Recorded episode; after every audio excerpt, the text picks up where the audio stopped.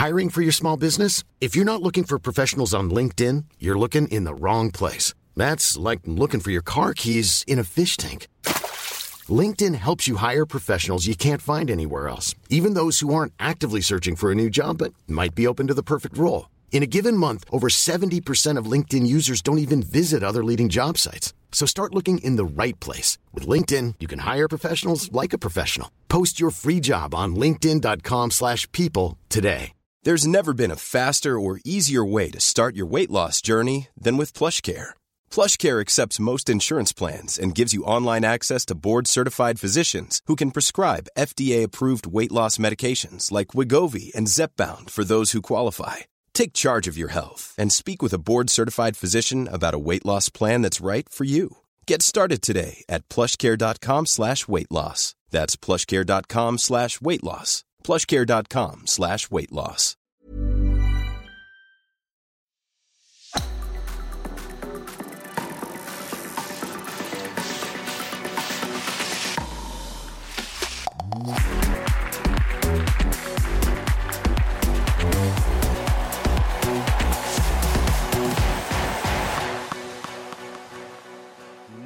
Uke og nye muligheter, Dorthea, i eh, indre bane. Du er på plass live from Sweden, eh, som vanlig. Eh, hyggelig å se deg. Eh, hvordan står det til? Jo, det står til ganske bra. Vi har hatt eh, besøk her i helga, et vennepar fra Finland, faktisk. De Oh. er svenske, men bor i, i Finland. Så de har vært på besøk, det har vært gøy. Og så var det jo en syk fotballkamp på søndagen med Chelsea City. Ai, ai, ai. Eh, så det var liksom too good to be true, egentlig. Eh, så det var veldig, veldig gøy. Det er kjekt når det ruller inn mål og drama og greier. Og utenom det så var jeg litt skuffa. Satt med morgenkaffen klar for å se alpintgutta i Samat. Og jeg kjente at jeg er litt lei etter i fjor og i år. Ja, Disse a- lei avlysninger og, Ja. Og rot. Ja. I fjor var det jo ikke snø i Europa engang, og så kommer det i år, og så Altså, banneren i Sølden detter jo av, og det var jo drama, og nå fortsetter det og fortsetter det. det de må jo endre noe, eh, Mm. for nå har det jo vært to år på rad. Eh, og jeg ser at det er jo mye misnøye rundt det. Jeg vet liksom ikke veien videre hva de skal gjøre. De må jo legge det til andre steder. Nei, det er, det er i hvert fall altfor alt for, alt for mange avlysninger, endringer. De flyr fram og tilbake mellom Nord-Amerika, Europa og ja. Uh, nei, jeg tenkte det, det Lukas Bråten har jo ikke gått glipp av en drit siden han la opp. Det har knapt nok vært et renn siden han la opp. Han Skulle han, han skulle sikkert ikke kjørt utfor, kanskje, uansett, men uh, nei, jeg er enig. Det, det må bli mer uh, forutsigbart. Så var du inne på den der gærne kampen i Premier League, men Viking kan jo fortsatt vinne fotballkamper. ja. Det var buing og drama når det sto 1-0 der, og så plutselig så våkna de, og det var veldig deilig. Jeg tror det var en litt sånn mental barriere kanskje for de òg. Litt letta stemning i det. Den garderoben der eh, etterpå, så Veldig viktig. Det er jo kamper igjen. Det er jo ikke mye poeng som skiller nå. Nummer to, nummer tre og nummer fire. Eh, så, så får vi se her. Men eh, veldig, veldig digg, egentlig. Uansett hvordan det ender så håper jeg at de får noen fine kamper og opplevelser her de siste kampene. Og så har jo Bodø-Glimt blitt seriemester, og det skal vi snakke mer om. Og så er det jo Jeg kjenner at det er jo litt sånn her tungt. OK, det er to serierunder igjen, men nå skal vi ha en landslagsperiode. Ja, jeg er, helt enig. du, er du supergira på Norge-Færøyene? Nei, jeg må si at jeg ikke er det. Og jeg syns det er veldig kjekt å, å følge landslaget. Og, men jeg sa det nærmest i går. Herlighet, er det ny landslagssamling allerede nå? Eh, så eneste som ikke har tatt landslagssamling, det er Guardiola. For der er det fem-seks skader, og de gutta der får eh, ikke dra på, på samling. Og Klopp han var ikke fornøyd, for City-Liverpool, det er første kamp etter Første kamp eh, etter, ja. ja, Eh, og, med tidlig kickoff. på- Ja. ja. Og Liverpool sine gutter, ekstremt mange søramerikanere. Så det er langt fra Sør-Amerika til Liverpool. Så, Ja. så Nei, det Eh, landslagspausen nå føler jeg eh, Altså, kan ikke si unødvendig, men, Nei, men for, den eh, norske, for den norske ligaen, og sånn som er vi spiller, så er det jo litt, uh, litt malplasserte, selvfølgelig. Ja. Uh, skal vi ta med at Anita Stenberg, som vi hadde med her eh, forrige uke, eh, fullførte eh, Track Champions League-sesongen, eh, og beholdt jo da den andreplassen som hun lå på i sammendraget, i endurance-konkurransen der. Det blir jo veldig spennende å se om hun kan eh, kjøre om en medalje i, på velodromen i Paris da, neste år. Altså, vi kommer nærmere og nærmere et, eh, et sommer-OL også. Det, Ja, det er helt på etter åtte måneder. Det er jo Ja. ingenting. Og så må eh, vi si den tragiske hendelsen som vi snakket om eh, i siste uke. Der har det blitt en mann pågrepet. Ehm, det er jo tragisk uansett. vi snakker jo da altså om Adam Johnson, eh, Ja. hockeyspilleren, ikke sant, som døde etter å få strupen kutta av en skøyte. Ja, i engelske ligaen. Eh, Mm. Der har blitt en ja, mann pågrepet. Det ser jo veldig ut til at det er eh, spilleren på det andre laget som ja, var så uheldig at det fikk eh, skøyten opp i halsen til Adam Johnson. Eh, men så får vi se. Det er sikkert noe helt nytt for hele verden og for det engelske politiet å ha en sånn sak. Det har jo ikke skjedd i nyere tid. Eh, så blir det spennende å følge den, og det er jo kjempetragisk uansett hva som skjer. Men eh, sånn er det. Freak accident kalte de det. Så får vi se hvordan de takler det. Uh, det får vi følge med på videre. Uh, det som i hvert fall er hyggelig, er at vi har noen veldig gode gjester i Ja. podkasten i dag. Og vi har blant annet et par eh, fremragende eh, kvinnelige utøvere. Eh, ikke minst skiskytterstjerneskuddet Juni Arnekleiv, som skal komme tilbake til eh, etter hvert. Ehm, men først så skal du gi oss en liten eh, oppdatering, Dorthea.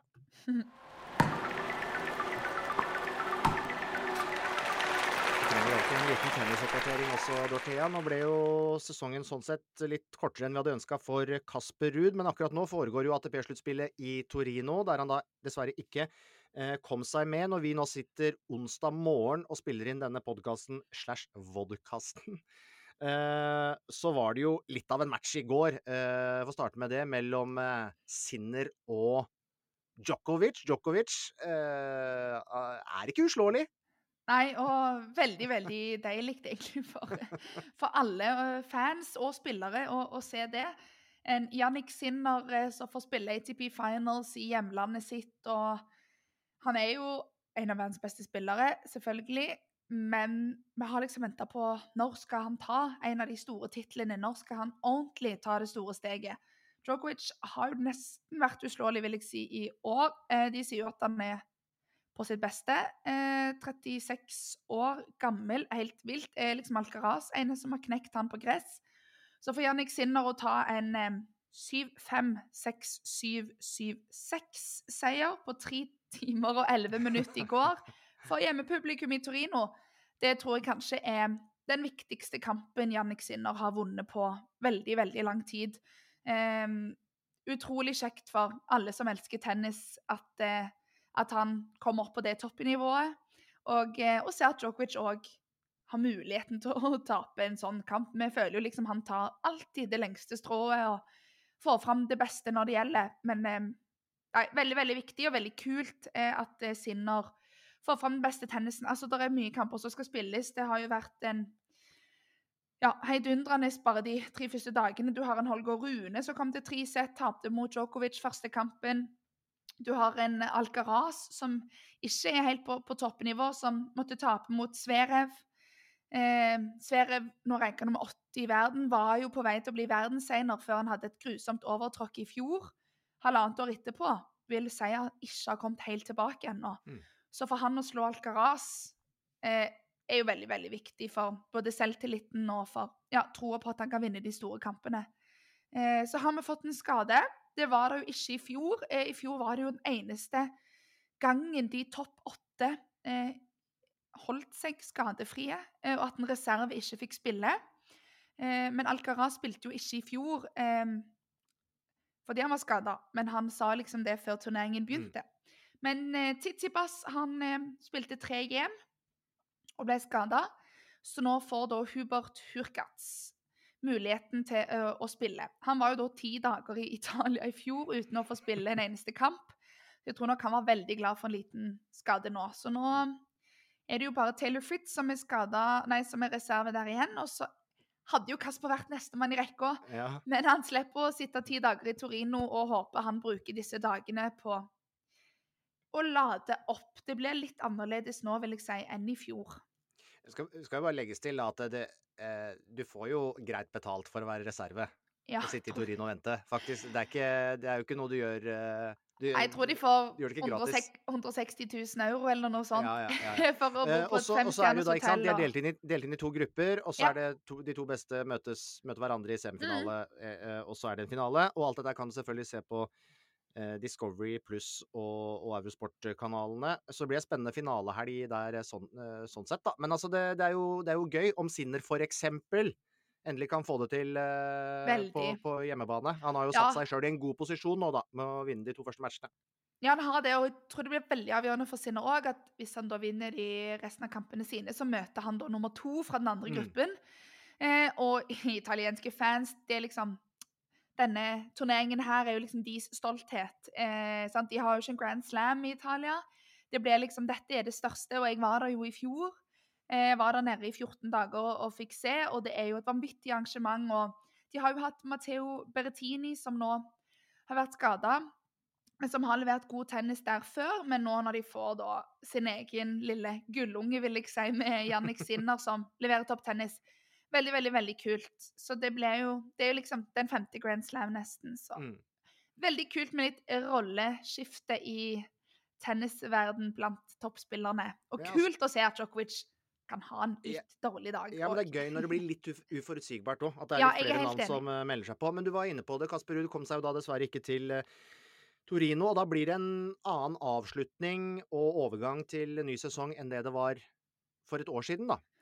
Ja, det gjør det. Det blir veldig annerledes. Det blir jo ja, kort an, Eller han får jo tre ekstra uker, vil jeg nå si, i og med at han eh, både oppkjøringen til denne turneringen og denne turneringen er som, blir som en offseason for han. Eh, så han har eh, landa i Oslo etter Paris-turneringen og har vel vært der siden.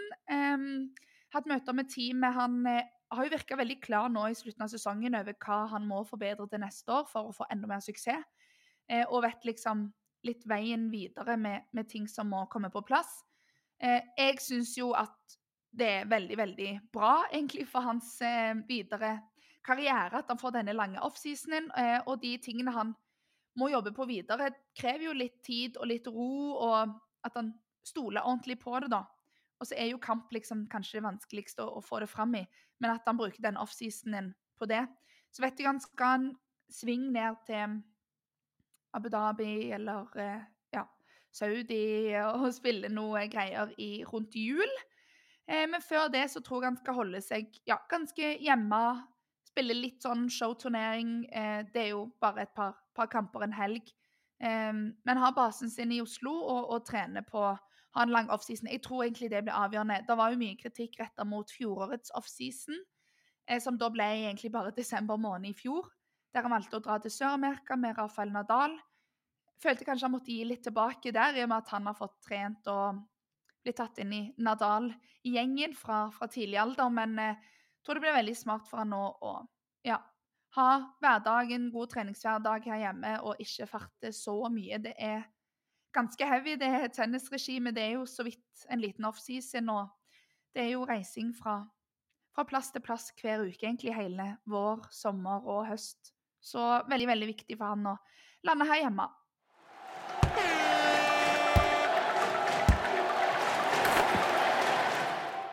På søndag sikret Bodø-Glimt seg klubbens tredje seriemesterskap på de fire siste sesongene. Eh, På de fem siste har det da blitt tre gull og to sølv. Og da skal vi huske at klubben var i Obos-ligaen så sent som i 2017. Legg til store resultater i Europa, spillersalg for hundrevis av millioner kroner. Og vi snakker kanskje ikke lenger bare om et Berg-dynasti i Bodø, men et Glimt-dynasti i Fotball-Norge. Og noe av det mest spektakulære her er jo hvor utrolig raskt det har gått fra fattig Obos-ligaklubb til en klubb som omsetter for 400 millioner i året, slår Besiktas borte og vinner et nytt seriegull. Og hadde du ikke sett det på nært hold med egne øyne, Freddy Thoresen i Avisa Nordland, så hadde det vel kanskje vært vanskelig å tro på. Ja, det er vanskelig å tro på. Det er jo nesten når man sitter her noen dager etter det tredje seriegullet på fire år, så er det jo fortsatt som man ikke tror det. Men jeg har sikra meg noen sånne skjerf som jeg henger rundt her på hjemmekontoret, så jeg får jo en sånn påminnelse på det hver dag. Nei, det, det er helt vilt, den, den reisa de har hatt. eh, Jeg, jeg, jeg, bruker å bruke 2016-sesongen. De rykker ned på eget 100-årsjubileum og rykker ned til Obos-ligaen. Og at vi nå i 2023 skal oppleve det Bodø-Glimt har gjort, det så jeg ikke for meg i 2016. Det, det er det ingen tvil om. Og når vi ser banestorming etter kampen eh, der gullet ble avgjort nå sist, så viser vel det òg at Glimt-supporterne eh, de har fortsatt ikke blitt så bortskjemte, Freddy, at de tar alt for gitt. Eh, for det var et bra utløp av følelser der. Ja, det var det, og de to første seriegullene var jo spesielle. da I 2020 så var det jo noen heldige som fikk lov å stå utafor. Jeg tror det var en ti-tolv stykker som sto utafor Marienlyst og sang utafor portene der i hele kampen. Og det gikk ei stund før vi som var innafor, som var så heldige uh, Vi hørte det var noen lyder, men det var altså en ti-tolv stykker som sto utafor stadion og sang Glimt-sanger. Og de fikk hilse på spillerne etter at seriegullet var i boks. Og, og 2021, det var jo Konsto, og da var det banestorming. Så det virka som noen bodøværinger har gått og venta på at de skulle få lov å storme banen på Aspmyra også. Kunne jo blitt eh, mestere i sofaen på lørdag kveld, men det er jo noe med å avgjøre det på egen bane, selvfølgelig. Eh, Kenneth, vi snakker jo om en økonomisk og sportslig vekst her eh, som jeg nesten ikke vet om man kan sammenligne med noe annet i norsk fotball. Eh, hvis vi tenker på hvor, hvor, kort tid det egentlig har skjedd over. Ja, det er, eh, det er et eventyr, eh, enkelt og greit. Og, og, med de linjene du og Freddy dro nå, ikke sant, tilbake fra, fra 2016, eh, 2018-sesongen, på en måte, hvor, hvor, dette nye trenerteamet, skal vi kalle det det, var, var begynte å sette seg. ikke sant, så ikke noen imponerende sesong, liksom. Og så fra 2019 utover, hvor de liksom i løpet av sesongen så til de grader begynte å begeistre oss. Du så den derre ekstremt tydelige spillestilen, lojaliteten. Uh, fokuset på detaljer, fokuset på hele tiden uh, utvikling. Uansett hvem du snakka med, om det var Kjetil Knutsen eller Åsmund Bjørkan eller spillere eller eller hva det var. Og så helt åpenbart da para med god klubbdrift. Eh, jeg satt litt og tenkte på det i dag, eh, hvilke utskiftninger som har vært i denne spillerstallen eh, opp gjennom disse årene. Altså spisser, Junker, Botheim, Boniface, nå Mombania. Evjen, Hauge, Sinkernagel, Solbakken. Og likevel så bare fortsetter toget å rulle på. Man henter inn riktige spillere. Eh, man, man, får det inn i systemet. Det ser nesten ikke ut som man har gjort utskiftninger. Og så bare ruller denne suksessen eh, på. Pengene selvfølgelig ruller inn. De har vist at de er villige til å bruke penger. Eh, de har gjort det på en, på en klok og, og, god måte, syns jeg. Så nei, det er, det er, nesten helt uten sidestykke. I hvert fall, hvert fall i den tiden jeg har jobba med, med norsk fotball, som begynner å bli noen få år. Og, og, eh, og, og, det er jo liksom ikke en rik onkel som er bak her. Eh, de, de har skapt dette der sjøl, og, og, det gjør det helt utrolig imponerende og fascinerende og moro. Og det har blitt en stormakt i norsk fotball. egentlig. Ja, men de, de her eventyrhistoriene kommer jo av og til. Eh, som vi har hatt, eh, ikke sant. Så, men de fleste har kommet ganske fort til snipp, snapp, snute. Selv KBK Eh, så kom til, en, eh, kom til en stopp, og så har vi hatt Ranheim-historiene, nå har vi KFUM, vi har hatt Mjøndalen. Eh, selvfølgelig ingen av de med den samme sportslige og økonomiske suksessen, men du har de her liksom litt kortvarige eventyrene. Men hvordan har Bodø-Glimt greid å gjøre det til noe mer enn ja, et, et, et par sesongers suksess? Det er vel det store spørsmålet, Kenneth? Ja, det, det er akkurat det. Som jeg sier, at de, de har helt åpenbart altså, tatt dette med klubbutvikling, ha de rette funksjonene på plass. Eh, ikke, ikke tatt av, altså ikke blitt, ikke blitt, høye og mørke. De har, de har eh, altså Utvikling og fokus på detaljer er, blir liksom litt sånn stikkordet for meg. Hvor, hvor tydelig de har vært i, i praten om det. Uh, hele veien. altså Som sagt, ikke, det har ikke tørna for dem. De har ikke de har ikke bygd et nytt stadion med 10 000 for mange plasser. Eh, de, de, har, ikke, de har, ikke, begynt å gå rundt i kamelhårsfrakker. Altså det, det er, du, har, du, har, på en måte følelsen av at folka er de samme. De har bare De har, eh, de har blitt nyrike i gåsøyne, men, eh, men de, har ikke, de, har ikke, tatt av av den grunn. En, ja. en som, ja. Unnskyld, Dorthea, men en som kanskje ikke har tatt av, det er Kjetil Knutsen, uh, Freddy. Eller hvordan ser du på det? Er det så enkelt som å bare peke på han og enkelte andre enkeltpersoner her? Nei, det, det, er nok en gjeng som har løfta seg i flokk.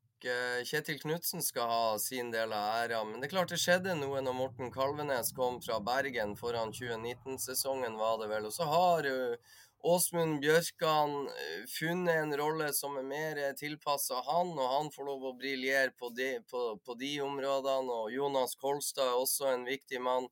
Håvard Sakariassen som eh, ikke har så veldig mange kommentarer å komme til media når eh, Glimt skal hente nye spillere eller de skal selge store, eller gjennomføre store salg. Så han bidrar også litt på sånne viktige detaljer utenfor banen. Testinga, innføring av Bjørn Mannsverk og mental trening. Der har Håvard vært en av nøkkelpersonene for å få det her til å på en måte utforske og, og tilpasse og få det til å, å, å, passe for flest mulige spillere. Og de driver med yoga og, og, og jeg kan komme opp på Aspmyra hvis jeg forviller meg der en tidlig morgen. Det er et eller annet jeg skal. så så kommer det åtte-ti spillere som skal ha mental trening før frokost. Så de tester ut ganske mye nytt og, og er sulten og, og, vil på en måte prøve. Det er jo utvikling, utvikling, utvikling hele veien. Og det har de som holder på med sport vært veldig gode på. Så har jo klubben også med daglig leder Frode Thomassen og Inge Henning Andersen i styret, og resten av styret. da. I styret sitter jo også tidligere spillere som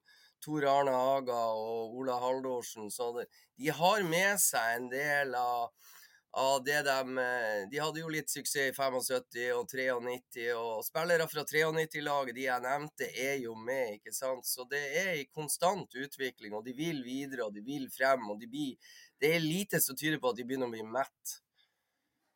Ja, og du Man ser jo ofte sånn som så Asbjørn òg sa, med at lag kommer opp, eller de har veldig suksess spillere forsvinner, de sliter med å få liksom, den suksessen videre og videre. og Det er så, altså, vært mye spillersalg. Det har jo vært litt utskiftninger, men de har jo liksom den basen igjen. Og sånn som du sier, Freddy, med at de er så sultne som de er, og at de stoler liksom på systemet. Det virker som en sånn veldig samla kollektiv eh, der oppe. Når vil du si at du innså at dette er ikke bare one time wonder, dette kommer til å holde, og, og hva er veien videre egentlig nå? Nei, jeg syns uh, Vi var jo mange som var skeptiske når, uh, når de vinner i 2020, og, og uh, Philip Sinkernagel, Kasper Junker og Jens Petter Hauge forsvinner. Det er ikke bare å erstatte de tre. Det var jo hysteriske målpoeng. Jeg er ikke så god i matte at jeg klarer å, å huske tallene, men de var jo astronomiske i forhold til det man hadde sett før. Kasper Junker jeg har jeg litt dialog med fortsatt, og han minner meg på at det var, eh, det var 27 mål på 25 kamper. Eh, bare der for å ta han. Men, men eh, Og så må jeg bare nevne, i og med at dere nevnte KBK, så er det jo ganske sånn der Jeg vet ikke hvordan det er for KBK-fansen å se Besiktas på bortebane, eller Bodø-Glimt på bortebane mot Besiktas, og så er frontleddet Du nevnte Sinkernagel, eh, Junker og Hauge. Imot Besiktas var det Sondre Sørli, Faris Pemi Mombania og Amahl Pellegrino. og Vi skal ikke mange årene tilbake, for de var frontrekka til KBK. Så det, det, det er mange sprø ting. Men, eh, men når Botheim eh, begynte å han begynte jo å levere ganske kjapt etter å, å bli sendt eh, til Nord-Norge fra Rosenborg i Skam, ikke sant. Så, så fikk jeg følge den treningsleiren i Spania som vel varte i fire-fem uker. Da alle var i Norge og Bodø-Glimt eh, lå og forberedte seg på gress i Spania, så fikk jeg jo sett ei utvikling på laget og, og se dem på tett hold hvor, hvor mye de jobber, hvor dedikert de er. Og, og det er klart de, de, hadde et godt fortrinn til den sesongen med den oppladninga si, og så bygde de da videre. Så du så konturene litt på den treningsleiren i Spania, utviklinga. Eh, så er, Dorthea er jo inne på det, Freddy. Hvor går veien videre? Vi vet at det er, eh, det er planer om å bygge et nytt stadion. Vi har, eh, vi har vært på Aspmyra. Det har sin sjarm, men det er, det er, litt skittent. Og det setter begrensninger for videre utvikling, og ikke minst forretningsbiten av det. Og så vet vi at i, i god norsk stil så skal det krangles litt om lokasjoner og plasseringer og, og hva, man, hva, man, kan gjøre. Men hva, hva, er status der med tanke på en ny, ny arena for Bodø-Glimt?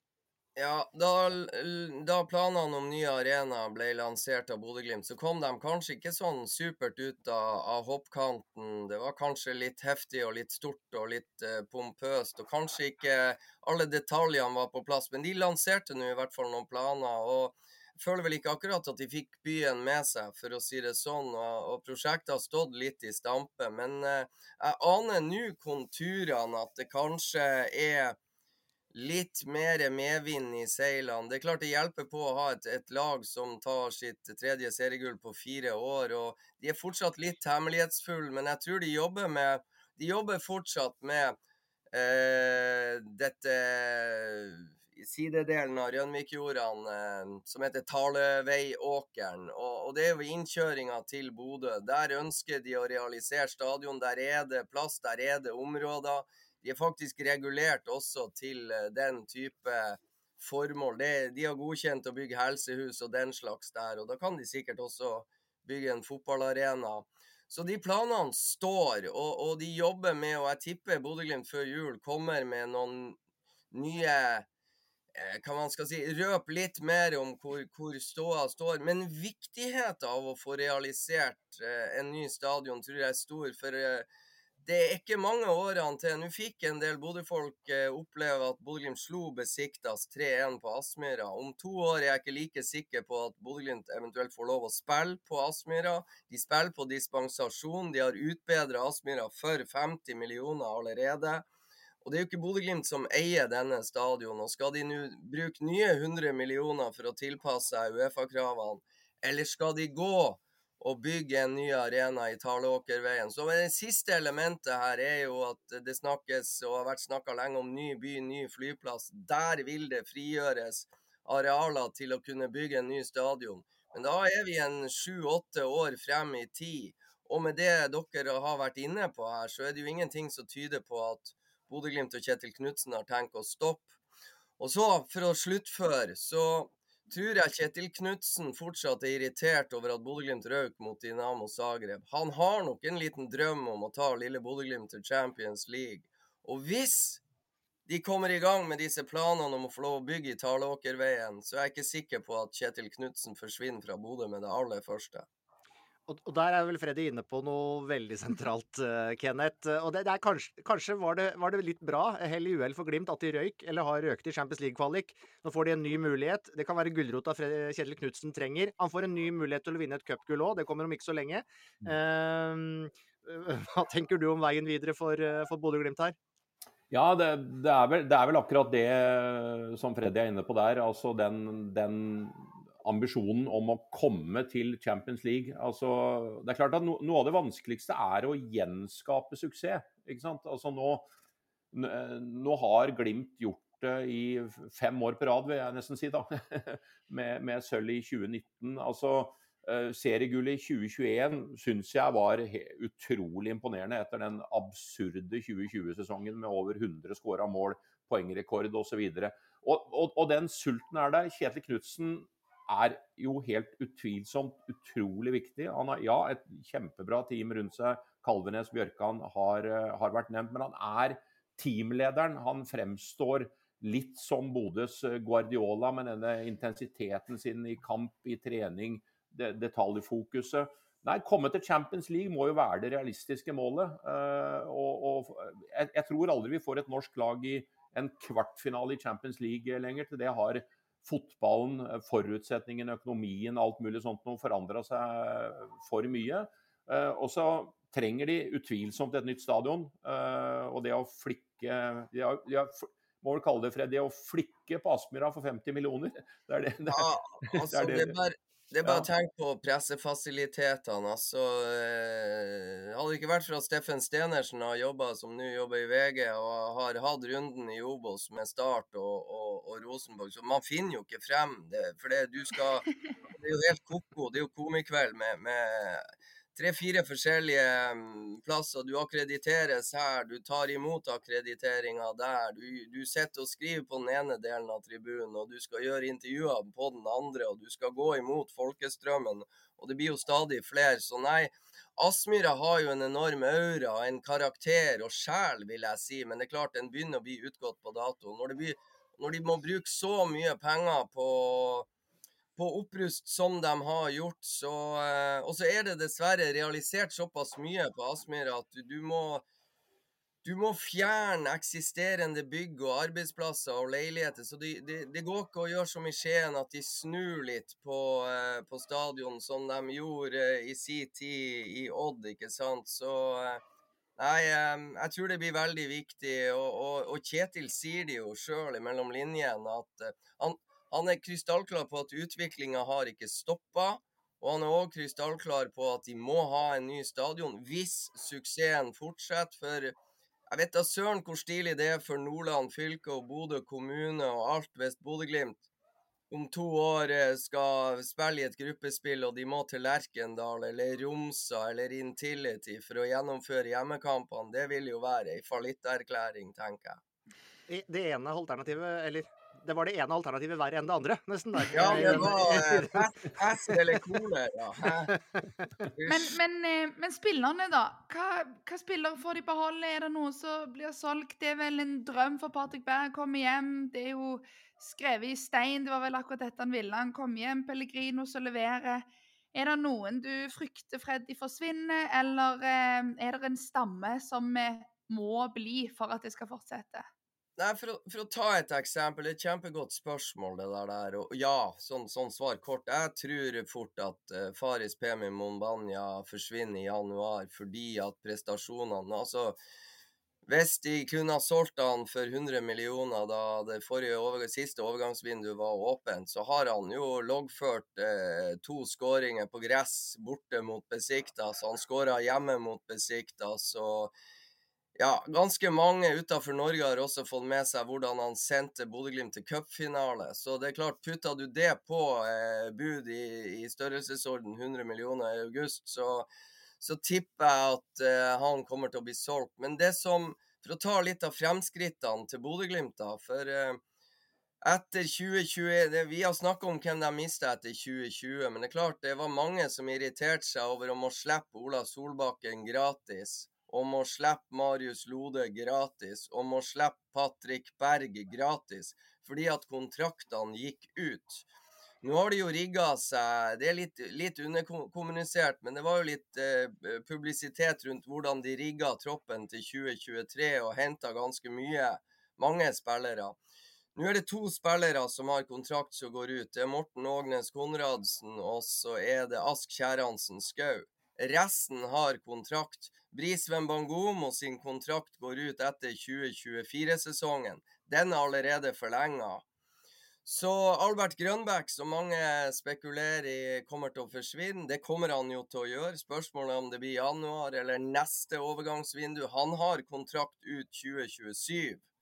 Det betyr jo at klubben har jo sikra seg i begge endene.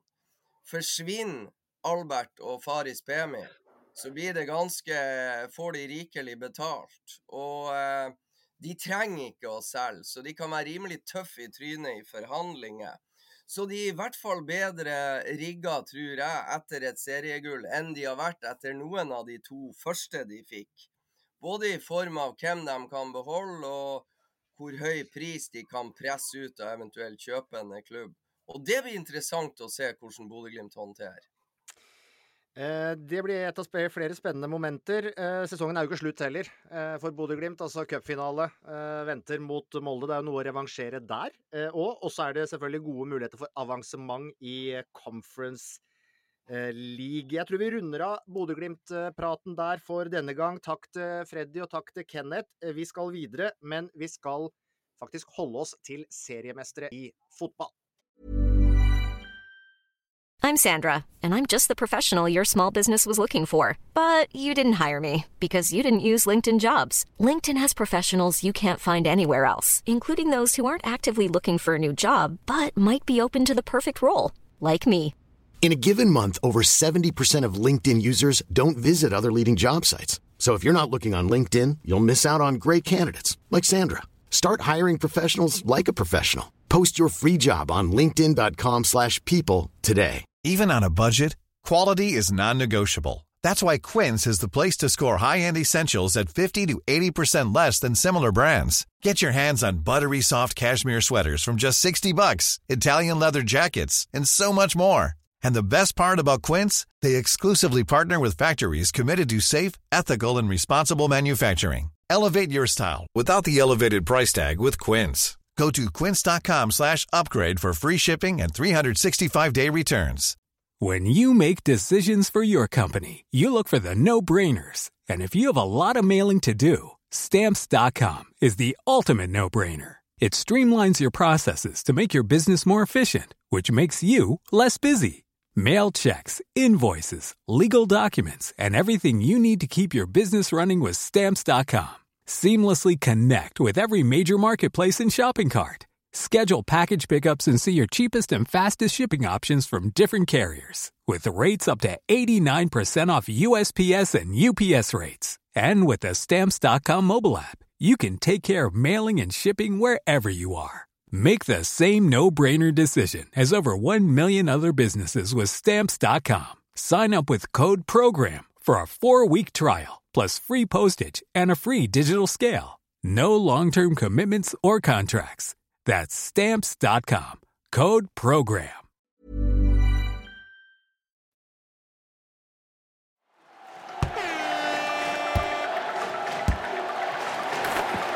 Også i toppserien ble det kåret en seriemester denne helgen. Vålerenga tok sitt andre seriemesterskap da de slo Stabæk, og samtidig fikk hjelp av LSK Kvinner, som spilte uavgjort mot Rosenborg. og dermed kunne VIF feire gull før siste serierunde mot nettopp Rosenborg, og de samme lagene møtes også i cupfinalen 25.11. Og etter kampen mot Stabæk så kunne altså VIF-kaptein Ingebjørg Sigurdadottir heve trofeet, men uh, Inga, vi får starte med det som har vært en veldig vanskelig oppladning til kampen, for du er fra Grindavik, har familie der, og fredag kveld så kom altså beskjeden om at store deler av Grindavik måtte evakuere pga. faren for vulkanutbrudd. Vi har sett videoer av jordskjelvene, eh, og vi har sett dramatikken. Eh, hvordan var det å være i Oslo, lade opp til viktig kamp og følge nyhetene fra Island?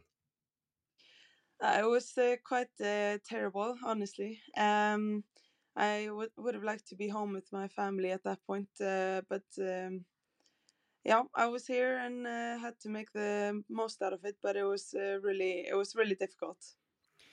Jeg, jeg, ser også at du sa i et VG-intervju i går at bare det å feire gullet føltes litt uh, feil uh, når situasjonen er som den uh, er, som den er og så, så uviss på Island. Yeah, it was it was difficult, but I'm um, I'm very happy I decided to do it because um, I got a chance to just kind of um, I don't know, go into my own world and not think about it. And if I would have not done it, I think I would have just come home here and uh, and feel terrible, honestly. And um, which uh, I've been doing every other day, so uh, it was good. And but I kind of I think I was in almost an autopilot after the game because uh, then on Sunday it was just it didn't feel real the whole day. Men, men vurderte, unnskyld, unnskyld men vurderte du å ikke spille kampen? Var det snakk om det på lørdag? Følte du deg eh, såpass uh, ute av det? Uh, I never really thought of it as an option.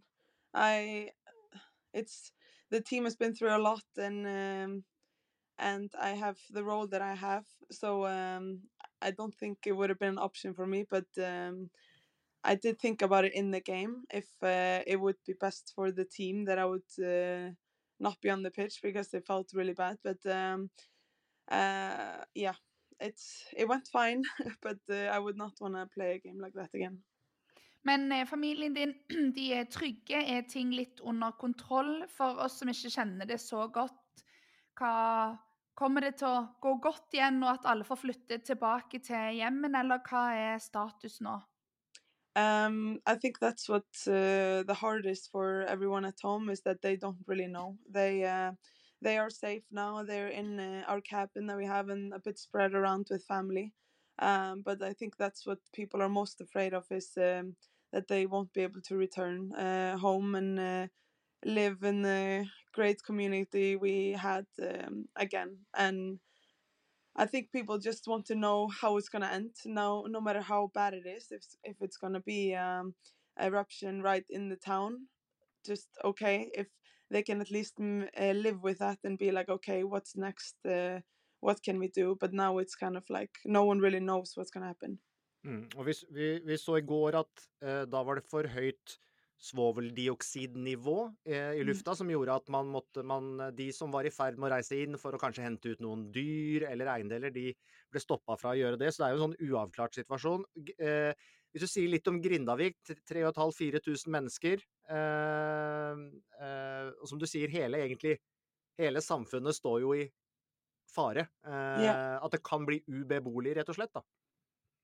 yeah uh, it's really hard to explain how it is but uh, people are very scared of that and and just being able to go into the town yesterday and then all the sirens going on again and have to evacuate again it feels uh, surreal and and traumatizing uh, for people to have to do that and um, uh, yeah, they have a lot of different ways to measure the dangers of the area. And yesterday was the first time they had this kind of gas uh, uh, hmm. measuring thing over the town, and um, and they realized that it might be it's not that reliable or it's really specific. So it was minor um, gas, or I don't know exactly the name of it, but um, but uh, so they decided to evacuate and were able to evacuate the whole town again in 95 seconds. So mm. that also give you that uh, security that okay, they have a good plan and we are secure. So um, uh, hopefully more people can go and get their animals and their valuable things. Mm. Uh, vi får følge situasjonen uh, på Island, men, men, hvis vi dreier over på det uh, sportslige Du kom altså til Vålinga i 2020. Vi må si at det har vært tre gode år. Eh, seriemester og cupmester første sesong, cupmester i, i 21. Eh, kanskje det double i år også, det gjenstår jo en eh, cupfinale. Eh, jeg husker du ble kåra til årets spiller i din første sesong. Du ble overraska der av treneren og lagvenninnene dine på en sånn ganske morsom, en morsom video der. Det har, det har vært fine, fine, sesonger i Vålerenga. Yeah, I mean, I can't really complain about my time here, and uh, also with um, all the fantastic people I met. It's a it's a special club, and I'm really happy to be a part of it. And yeah, I mean, it feels surreal of the trophies that we won together, and uh, and that one um, personal trophy I got the first year. Uh, so yeah, it's it's unreal. Um, hvorfor har dere lykkes såpass godt i år. Eh, seriemestere. Eh, mange hadde kanskje Brann som en eh, favoritt. Dere har blitt seriemestere, dere er i en cupfinale. Eh, la inn en bra fight mot Real Madrid i Champions League-playoff eh, eh, også. hva er det som har fungert bra for, bra for dere i år spesielt, tenker du? I mean, I think the whole club has worked really hard on uh, preparing us for as much as we can. We we started already last year with playing um, games against boys in the middle of the week to prepare exactly for this moment where we had Champions League in the middle of the league and play three games in a week for a long period. Um, so physically, we have been really prepared for that. Um, and then we have worked well. I just feel like the club has prepared us for every possible scenario, and it feels really good to be in a club where they put so much effort into uh, all the small things around. Uh, of course, we it's not perfect. Like we we're not on the same level like Real Madrid, but uh, the, there's ambition there, and uh, that gives us a lot of motivation. Dere må jo ha en veldig god gruppe med å ha så mye suksess de siste sesongene. Nå vant serien, og nå skal spille en cupfinale. Har én runde igjen av, av serien. Um, hvordan ser du på en cupfinale mot det å, å vinne serien, og dere er sultne på mer?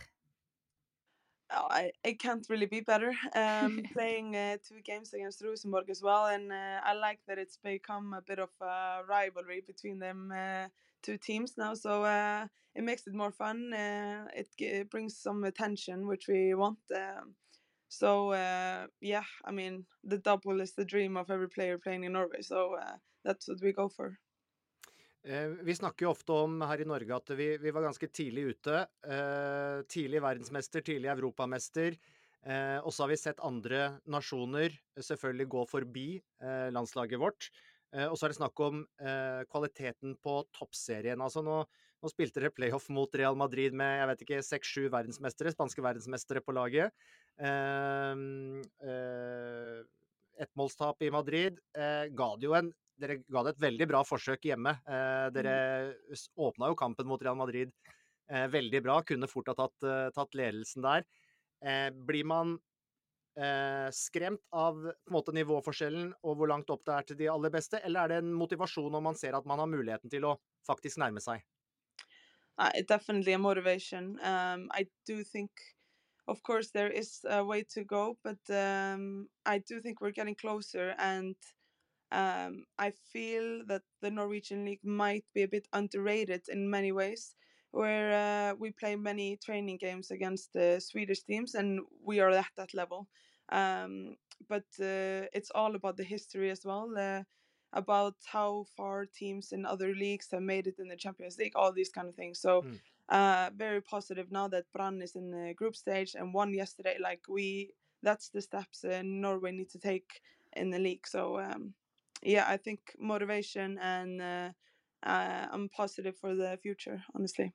Ja, det var det jeg skulle si med, med f.eks. dere og med Brann og Rosenborg. At dere, spesielt dere og, og, og Brann, som liksom baner litt vei for resten. Og at toppen i den norske ligaen blir bra, og at vi har liksom ordentlig bra eh, dameklubblag på internasjonalt eh, nivå, sånn at folk vil komme og spille, fordi da får de spille internasjonal eh, fotball òg. Hadde du regna med å spille mot Real Madrid når du kom til Vålerenga i 2020? Uh, I mean, that was one of the biggest selling points of Vålerenga said to me when I was deciding if I should sign or not. That they want to compete in Champions League. They want to, or not only compete, they want to be up there. They want to uh, stay there for a long time and be in the top. So uh, that's what sold me and like uh, they've even said to me that they want to be like beat the biggest teams in Europe so uh, of course you you believe that when you join such a club but um, yeah it's so important now that um, Rosenborg has uh, taken over Trondheim's Ørn and uh, and uh, Brann taken over Sandvik and like this is what the league needs and this is what women's football needs um, and so we just it's a big responsibility on us as well to be role models for the young girls uh, and show that they can buy a jersey with our name on it and like come to our game so uh, it uh, it's very important and something that yeah Vålerenga, Brann, Rosenborg can work a lot together as well with uh, taking it to the next level. Og så uh, er det jo Det er mer stas å være kvinne og fotballspiller i Vålerenga enn herre og fotballspiller i Vålerenga denne, denne, sesongen. Hvordan, dessverre. Ja, dessverre. Mm. Hvordan opplever, du, opplever dere det å være en del av en klubb hvor man også, også har, et, uh, har, et, herrelag, da. som de for så vidt har i Brann, som de har i Rosenborg. Uh, hvor tett er dere på en måte på hverandre? Uh, I mean, we we learn to love the club. We we watch the men's game. We uh, we support them as much as we can, uh, but at the same time, it is still two different teams and um, and two different worlds that we live in. Still, um, that's the status right now. But of course, it's um, it matters to us how how the men are doing, and it also matters to the men how we are doing. Um, so um, it's uh, it's it's bad that the men are doing this bad and that um, yeah that it's not going so great but at the same time you see the supporters are uh, getting tied together and they're also celebrating us at this hard time and we can kind of be a positive thing for the supporters. Um, so um, yeah it's it's strange times.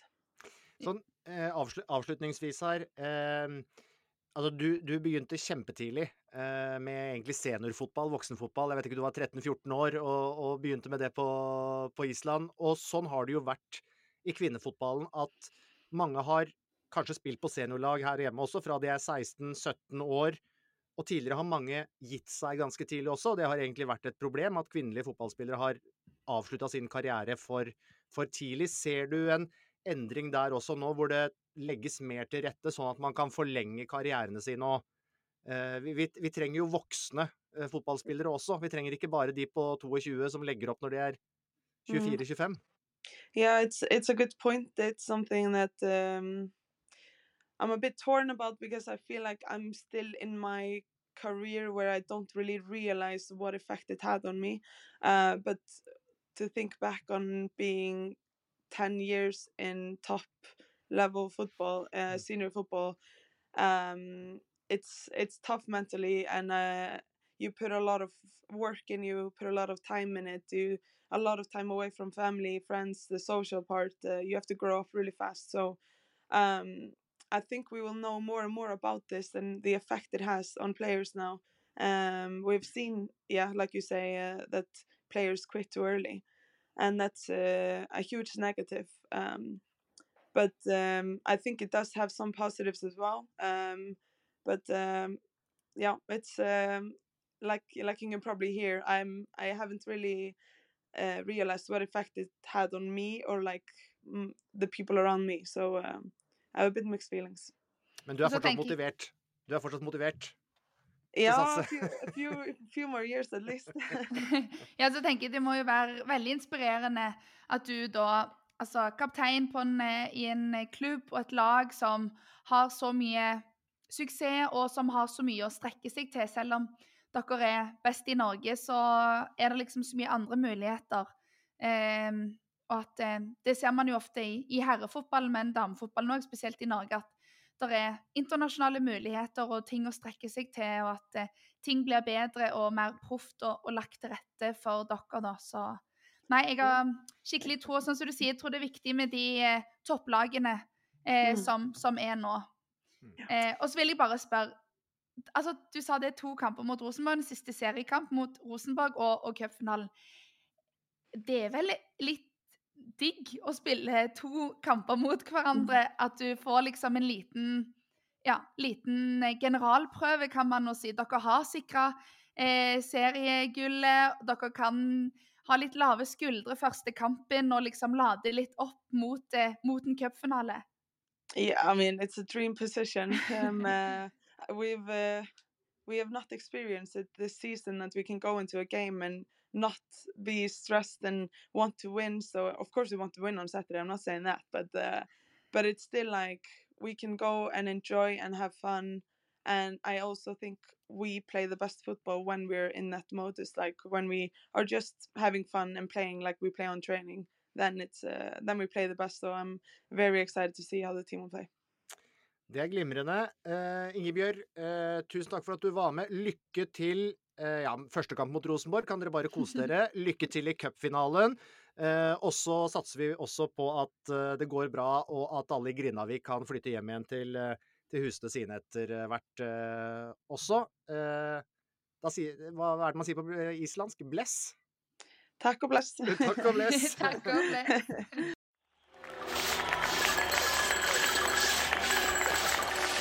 Optimistene er allerede i gang. Det vil si, Dorthea, som vi har snakka om, de er jo ikke så veldig godt i gang, for det er jo stadig avlysninger. Men verdenscupsesongen for vinteridrettene er uh, uansett rett rundt hjørnet, og i neste uke er det verdenscupåpning for skiskytterne i Østersund. Kan være mye vær der òg, men uh, vi håper at det ikke blåser bort. Og dit skal i hvert fall blant andre du, Juni Arnekleiv, rett fra fellesstartseier på Sjusjøen i sesongåpningen.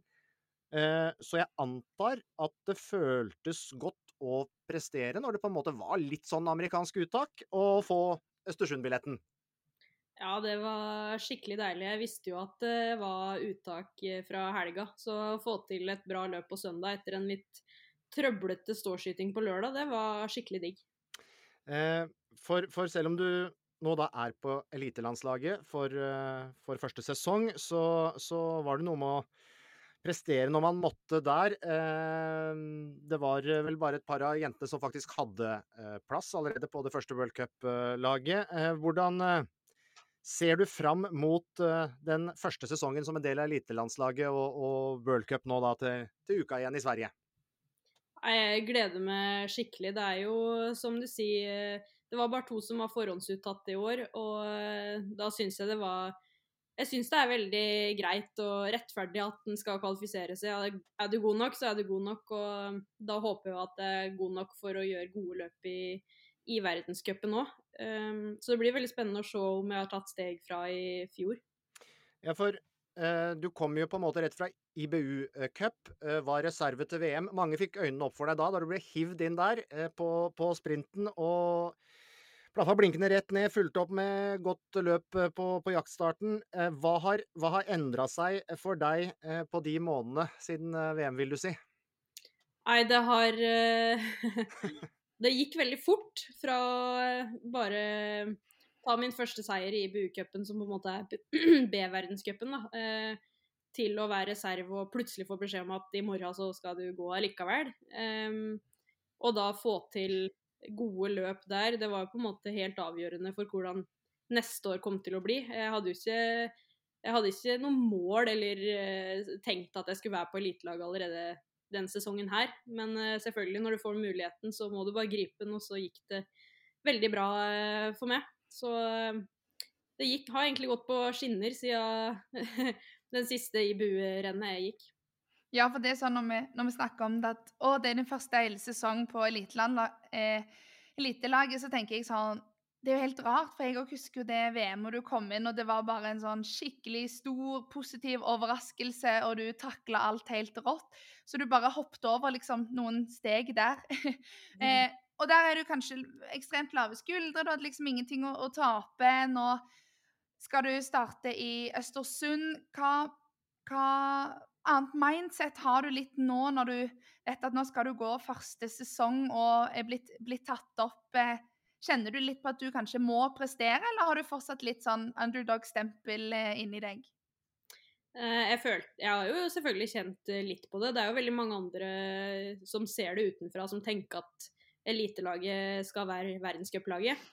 Jeg har ikke sett på det som noe selvfølge fra starten av sesongen, men jeg håper jo selvfølgelig at Eh, I og med at det hadde topp 15-plasseringer i fjor, så burde det være mulig å, å, være en del av det laget i år òg.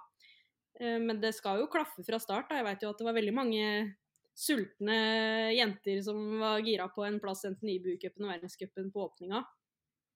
Så en kjenner jo litt på presset utenfra, men eh, sjøl så veit jeg jo at gjør en grei eller en OK jobb på standplass og i løypa, så burde det være godt nok til å kvalifisere seg. Er, det fordel, er, det en fare for, når man da uh, får en plass på elitelaget Ja, OK, så er man ikke garantert World Cup, men man har i hvert fall plass på elitelandslaget. Er det en fare for å liksom av og til bite over for mye? At man blir for ivrig? At man uh, At det er et slags trinn man skal ta som man prøver å ta for fort? Eller hvordan har du kjent på det? Ja, du skal jo helst ikke gjøre så veldig mye annerledes enn det du har Du har jo gjort mye riktig når du kommer inn på det laget, og da er det jo om å gjort å prøve å holde det ganske likt. Selvfølgelig øke kanskje litt i treningsmengde, og du har jo et uh, høyere nivå på dem som er rundt det, dem du trener sammen med, og det er kanskje nok den sesongen til å løfte seg. Uh, men det, jeg syns det er viktig å på en måte tenke på at mye av det du har gjort for å komme hit, har vært riktig og har vært bra. Det er derfor du har fått den plassen. Så ikke bare finne på noe helt nytt, og det tror jeg er lurt.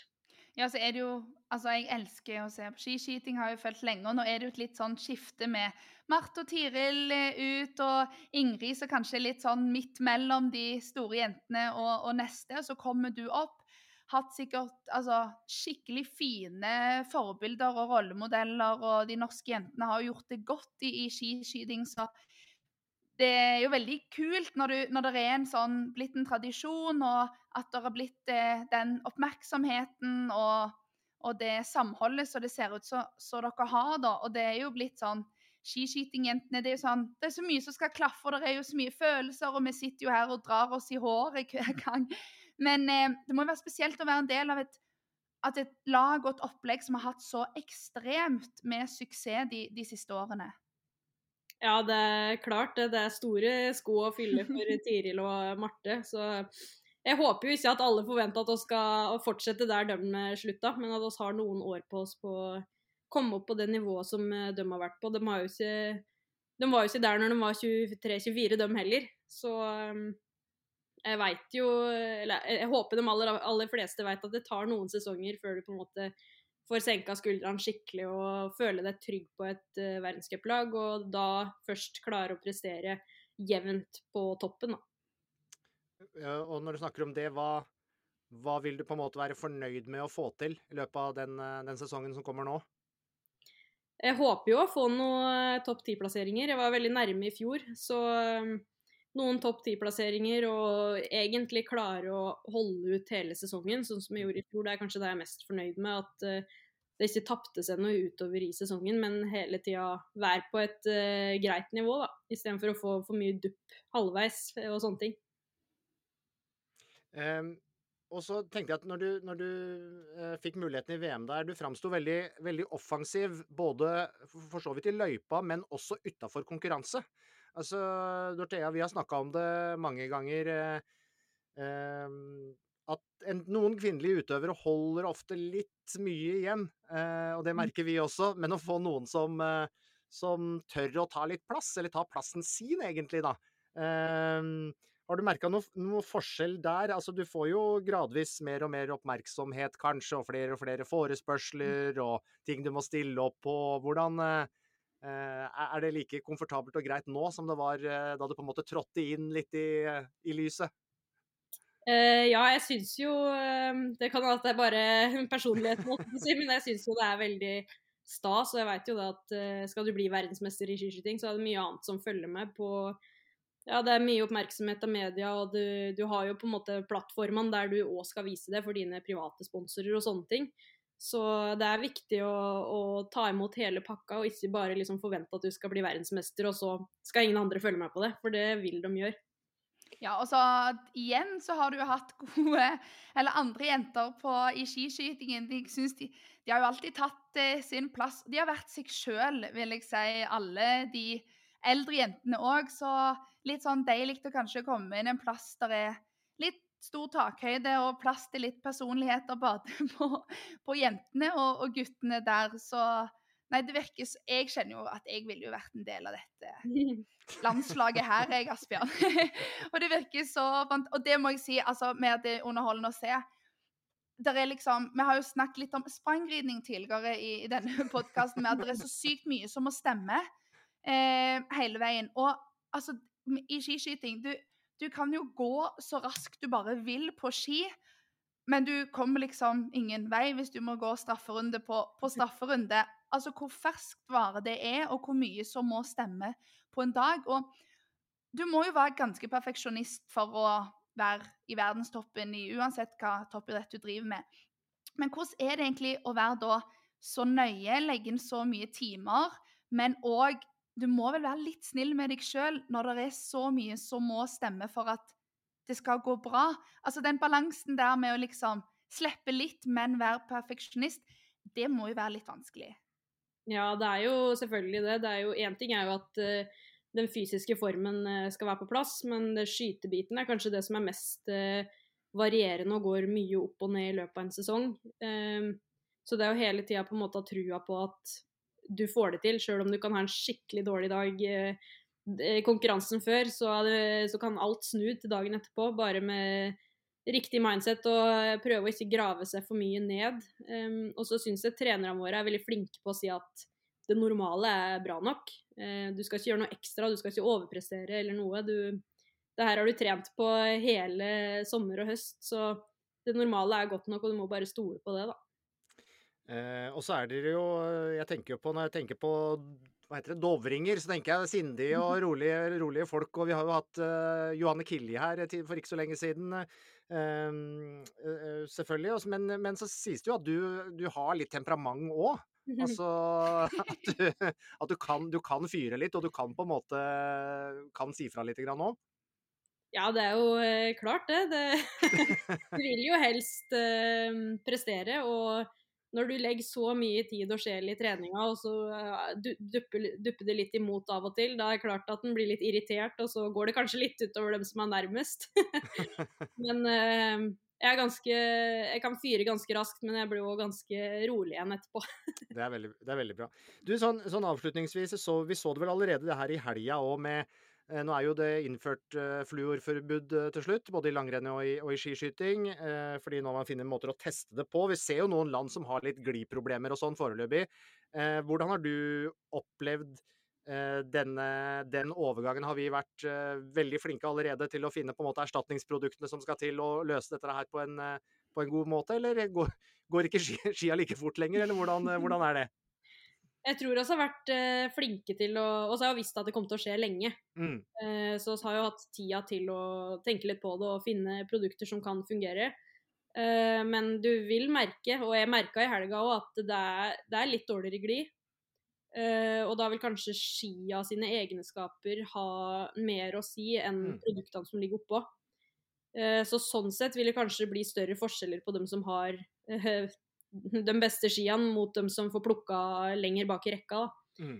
Eh, Men sånn som eh, italienerne og tyskerne som var på åpninga hadde Tyskerne hadde jo med seg smøretraileren sin. Så ble jeg litt overraska over at det skulle være så store forskjeller. Jeg hadde forventa at, eh, at de glei like bra som oss. Mm. Så, men, men det å ha en tilgang på en bra, stor skipark, bra skipark, kunne velge, velge de beste skiene, det blir, eh, det blir kanskje desto, desto viktigere. Tyskerne også har jo store ressurser, egentlig, som du sier, til å ha med seg egen smørtrailer og, og den, eh, den biten der. Men, mm. men eh, eh, ved inngangen til en ny vintersesong så kan du berolige, berolige oss. Norge er vi er som venta langt framme, også på det. Ja, det kan jeg bekrefte. Mm. ja, det er bra. Da gleder vi oss i hvert fall. Vi gjør det. vi gjør det. Ehm, Østersund eh, i neste uke. Håper dere ikke blåser eh, over ende der borte, for det kan være ganske trekkfullt eh, i, i Østersund. Masse lykke til med sesongen som kommer. Takk for at du var med. Tusen takk. Ja, det var det for denne gang. Nå tror jeg kanskje det bare er to episoder igjen før jul, faktisk. Det går veldig fort uh, dit, da. Um, landslagsperiode. Ikke noe Premier League i helga, Dorthea. Ikke noe Vikingkamp. Um, hva skal du finne på da? Nei, jeg skal se hockey, og så Ja. får vi se de landskampene til fotballgutta òg. Ja. Blir, eh, blir spennende å se hvem som får sjansen, og hvem som får spille. Men eh, litt sport får vi vel med oss uansett. Ja, eh, det er faktisk da mm, slalåm eh, for gutta. Du som savner alpint. Hva heter det? Gergel i Østerrike. Eh, Den kan faktisk ses på våre plattformer, til og med. Det er på lørdag, tror jeg. Og så er det jo, eh, det er jo ATP-finalefinalene, da. Ja, det blir spennende. Jeg håper jo på en rematch med Sinner og Djokovic i en eventuell finale der. Så um, Og det er jo på Discovery Pluss. Så det blir jo ja, tennis og hockey og Ja, ja. fotball. Det er alltid noe å følge med på. Cyclocross og snooker og sprangridning og alt mulig på Eurosport og eh, Discovery Pluss. Og som vanlig eh, eurosport.no, der kan du holde deg eh, oppdatert. Og så syns jeg du var veldig trivelig i dag. Eh, eh, selvfølgelig høre, høre fra Freddy i Bodø, men å høre fra eh, fra Juni og, og Inga, ikke minst, da, som jo har hatt noen dramatiske dager. Så vi krysser fingrene for at det går bra eh, med Grindavik eh, på Island eh, også. Eh, jeg tror rett og slett vi bare runder av eh, der. Og da Ja. er det vel bare én ting å si, da, Dorthea? Ja, da sier vi bare snakkes. Snakkes.